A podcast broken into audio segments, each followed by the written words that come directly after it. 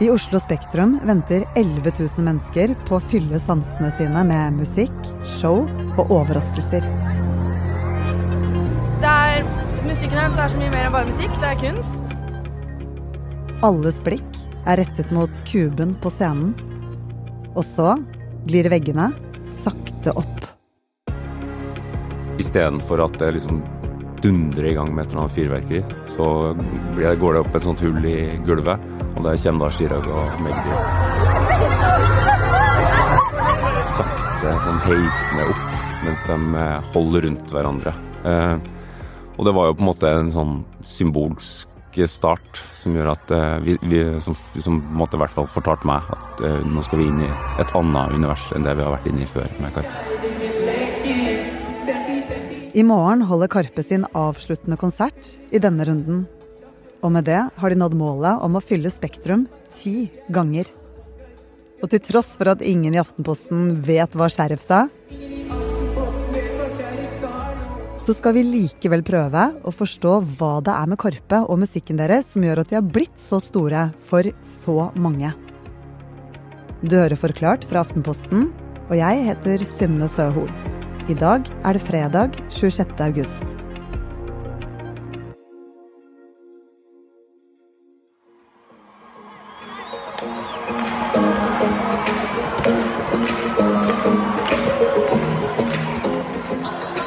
Og Robert Gjestad, du er musikkjournalist i Aftenposten. Eh, hvorfor dro du på Karpe-konsert? Det her er jo en uh, happening i norsk musikk som vi ikke har sett uh, sidestykke til tidligere. Um, det er Norske artister jo, fyller jo Spektrum én gang. Enkelte fyller Spektrum to ganger. Karpe har bestemt seg for å fylle det ti ganger, og får det til. Uh, det er en det er en begivenhet som ingen kan gå glipp av. Hvordan har de klart å fylle Spektrum ti ganger, da? Det her har jo Karpe måtte brukt 20 år på å bygge seg opp. de starta jo som et uh, bitte lite band som ville så opp til sine store helter og ville bli like stor som dem for 20 år siden. Sakte, men sikkert bygd større og større fanskare. og så er de jo drevet av et ambisjonsnivå, i hvert fall én av de to, som ikke har noen grenser i det hele tatt. Og da sier det seg på en måte sjøl at én uh, i Spektrum, det har vi gjort. Tre ganger Spektrum har vi gjort. Uh, hva skal vi gjøre nå? Jo, vi gjør ti. I år 2000 starter Chirag og Magdi gruppa Carpe Diem. Og frem til 2011 er de et voksende fenomen i norsk musikk hvor de blant annet får en tydelig og samfunnskritisk stemme. De har blant annet rappet om drapet på Benjamin Hermansen i låta Kunsten å være inder. Om sosiale forskjeller. Ja, Svein, faen på tull! Ja, Svein, samme kull! Ja, Svein er fra et sted der du aldri prater om nedturen jeg ble født. I trafikken. Og ikke minst om 22. juli. Fordi en jævel hata påfugler tok den jævelen med seg grå kuler. Og, jeg og selv om de allerede har mottatt prisen for Årets Spellemann, er det nå musikkarrieren får et vendepunkt. På scenen nå så står det en hindu, en muslim, to kristne Etter 22. juli, støttekonserten som da arrangeres noen dager etterpå, er jo at hele Norge ser Karpe. Jeg elsker at dette er normalt. Jeg har aldri elsket landet vårt som den siste uken. Jeg har aldri elsket byen vår som den siste uken. Som på en måte formidler eh, en følelse og en fortelling og en historie eh, live på norsk TV. Og da går de jo fra å være et musikkfenomen til å bli et folkefenomen eh, den kvelden.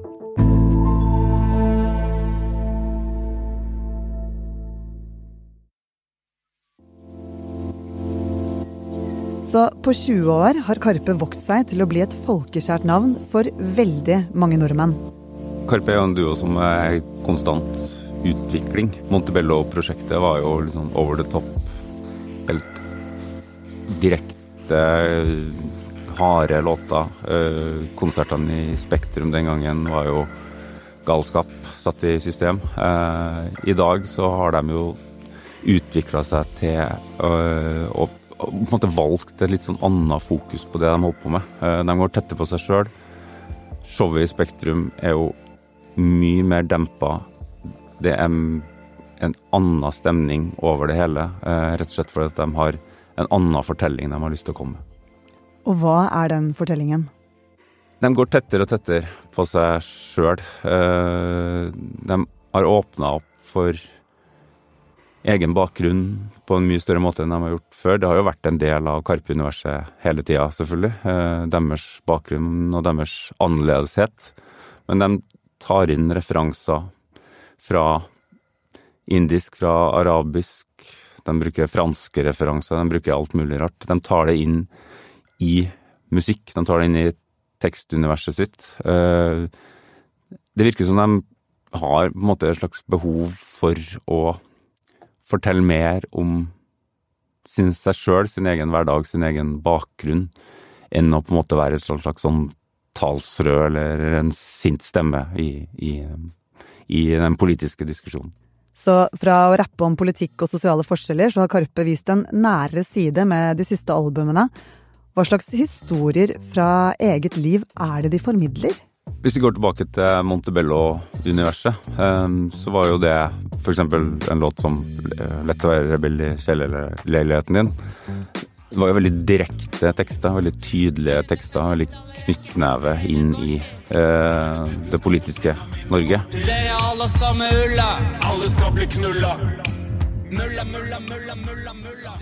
De nye tekstene er jo da skrevet med et litt annet utgangspunkt. Det er skrevet litt nærere på eget liv, nærere på seg sjøl, nærere på familie. Um, du har jo en låt som den uh, Bayraf Fairoz, f.eks., som eh, rett og slett er en fortelling om eh, foreldrene og hvordan de opplever å bli gammel og bo i Norge, savne sin bakgrunn.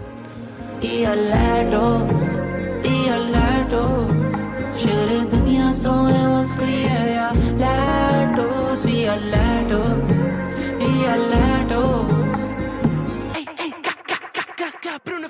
er de jo da ikke direkte politisk, men jeg tror nesten de blir enda mer politisk av at de er personlige, og at de er nærere på Chirag Amegdi. Og hvordan blir de nye tekstene tatt imot av fansen da? Veldig sterkt, virker det som. Ehm, for meg, som jo da er en eh, hvit middelklassemann, og som for lengst har pusha og passert 50, så jo, er det jo på en måte ingenting som Altså, det er ikke min hverdag. Jeg deler ingen bakgrunn med det jeg hører i det tekstuniverset deres i det hele tatt. Uh, likevel så, jeg, så, berører de fortellingene meg utrolig sterkt. Um, viktigere enn det er jo at det tydeligvis berører veldig, veldig mange med samme bakgrunn som dem. For etter at albumet Omar Sheriff ble sluppet, publiserte en rekke skribenter kommentarer om låttekstene. At de kjente seg igjen, og at Karpe satte ord på deres virkelighet. Men det er ikke bare Karpes tekstunivers som gjør at de klarer å fylle Spektrum ti ganger. De bruker også noen helt spesielle musikalske triks som gjør at du bare må synge med.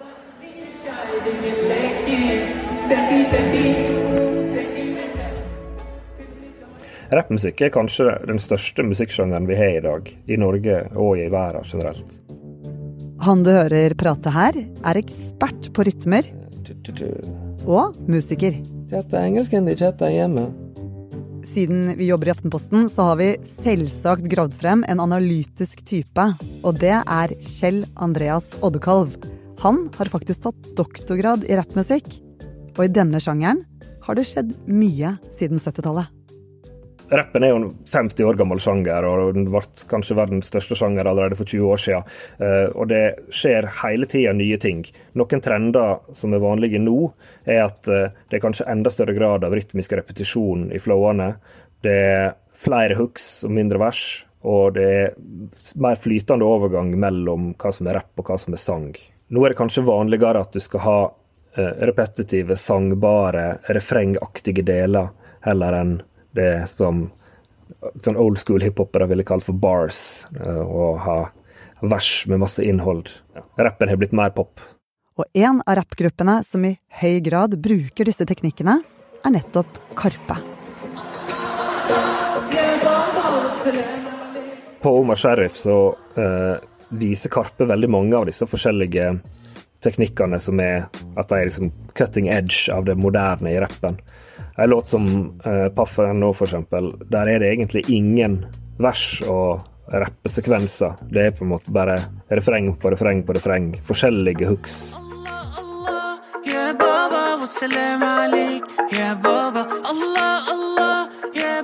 Sjøl det første uh, penger og plastikkplanter-biten, sjøl om det bare kommer én gang, er det gjentakende og eh, sangbart, og en synger på det etter en har hørt låta. Penger og plastikkplanter, hva skal du ta med deg gjøre når lufta går ut av lungene dine, ja ja. En ting som er kult i rapp, er at når eh, ord rimer språklig, så rimer de også nesten alltid rytmisk, sånn at den musikalske rytmen er identisk mellom de rimende ordene. Og da når vi har forventninger om hvor rimet skal lande, og at noe skal rime, så kan eh, en rapper få ting som ikke rimer, til å rime. Som på Ibn Adam, når Magdi eh, rimer lista hans på Libya og i en mann. Havna vi på lista hans, og Gaddafi sendte flybillett til fake konferanse i Libya. Mens du var i Disneyland, så jeg en kniv gå inn i mann. Fordi at han plasserer det på samme plassen, i den samme repeterte flow-figuren.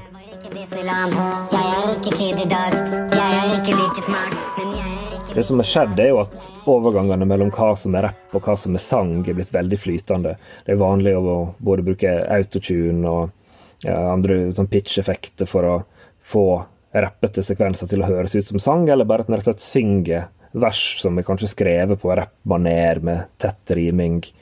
Så synger en dem rett fram. Og det, Den type greier jeg går igjen over hele Omar Sheriff. Må bare tenke på åpninga på Ibuprofen med No ratchet to min clank clank, bulmer i min pant pant. Ladies and gentlemen, ladies and gents, gents. Ladies and gents. Det er et rappvers, men det er jo sunget. Og Kjell Andreas, hvordan påvirker dette publikum, da? Rappmusikken, da, eller det som kommer fra hiphopen, altså det som kommer fra eh, et sånn afrodiasporisk uttrykk, sant, som eh, handler om tvetydigheter og eh, retoriske grep, sant, både språklig, men også i musikken. At det er hele tida en leik med nyanser og forskjeller. Og det er noe som eh, som Eh, det, handler rett og slett om, om det å, å, å, skjønne sin plass i verden på et vis. Sant? Eller bare det å, å, kunne stille spørsmål og nyansere ved forholdet i verden på samme måte som de gjør i musikk. Det er sånn, I, bunn og grunn så handler hiphop og rappmusikk i seg sjøl. Når driver med det, uansett hva tekstlig innhold det er, bare i måten en leker med rytme på. At en en kommenterer og ser på urettferdighet eller undertrykkelse, sant? det sosiale kontekster. Det å balansere det å være en minoritet med det å leve i et samfunn som undertrykker en. Uh, uavhengig av om en er en faktisk minoritet. Sant? Rappmusikken gjør det i seg sjøl. Det går ikke an å lage rasistisk rapp eller uh, ja, politisk konservativ rapp. Rappen i seg sjøl er progressiv og antirasistisk.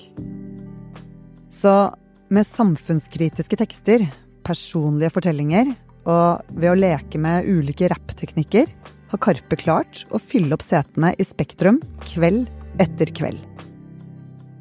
Og musikkjournalist Robert Gjestad, du var jo på første konserten. I morgen er det den siste. Hvordan skal Karpe klare å toppe dette? Nei, det tror jeg de lurer på sjøl òg.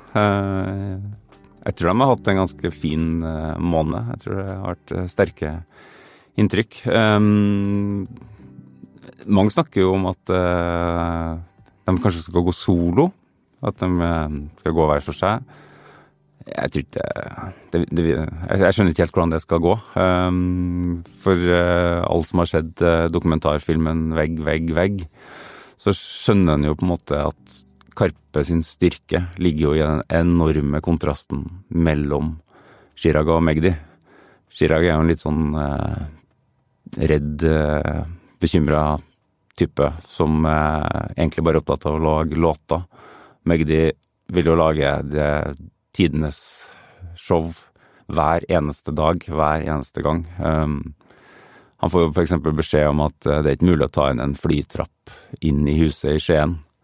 Og det går jo bare et halvt minutt i filmen, så kommer den flytrappa inn et eller annet vindu som de har klart å åpne og få opp. Altså, han, han har ingen sperrer uh, på det. Uh, og det er jo en gammel kjensgjerning i kunst og musikk at det er kontrasten, altså det er kampen mellom de to. Det er der Karpe sin styrke ligger. Uh, så min tolkning av den filmen, og, og, sånn som jeg ser dem på scenen i Spektrum òg, er at uh, det blir noe mer. Uh, men uh, det kan jo liksom ikke bli 20 Spektrum heller, da. Så et eller annet må de finne på.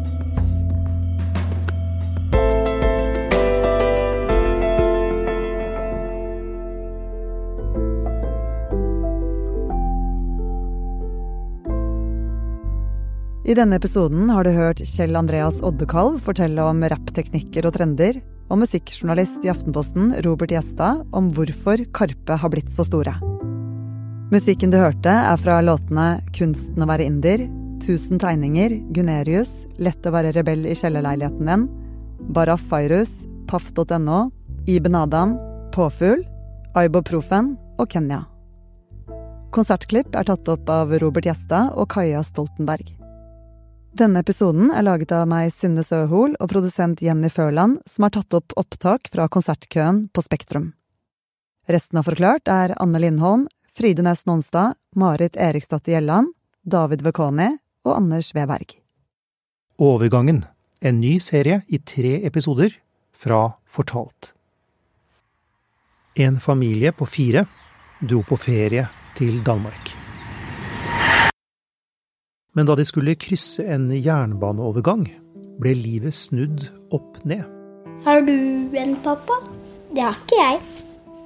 Men det denne historien handler om, er tida etterpå.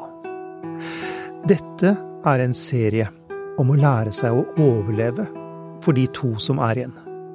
Men hvordan er det mulig for moren Marte å gi slipp på det som skjedde, når flashbackene fra møtet med toget velter inn? Og så husker jeg spurte. Spurte til Benjamin.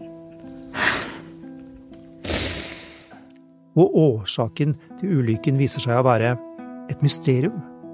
Jeg eh, er 100 sikker på at det ikke var noe signal.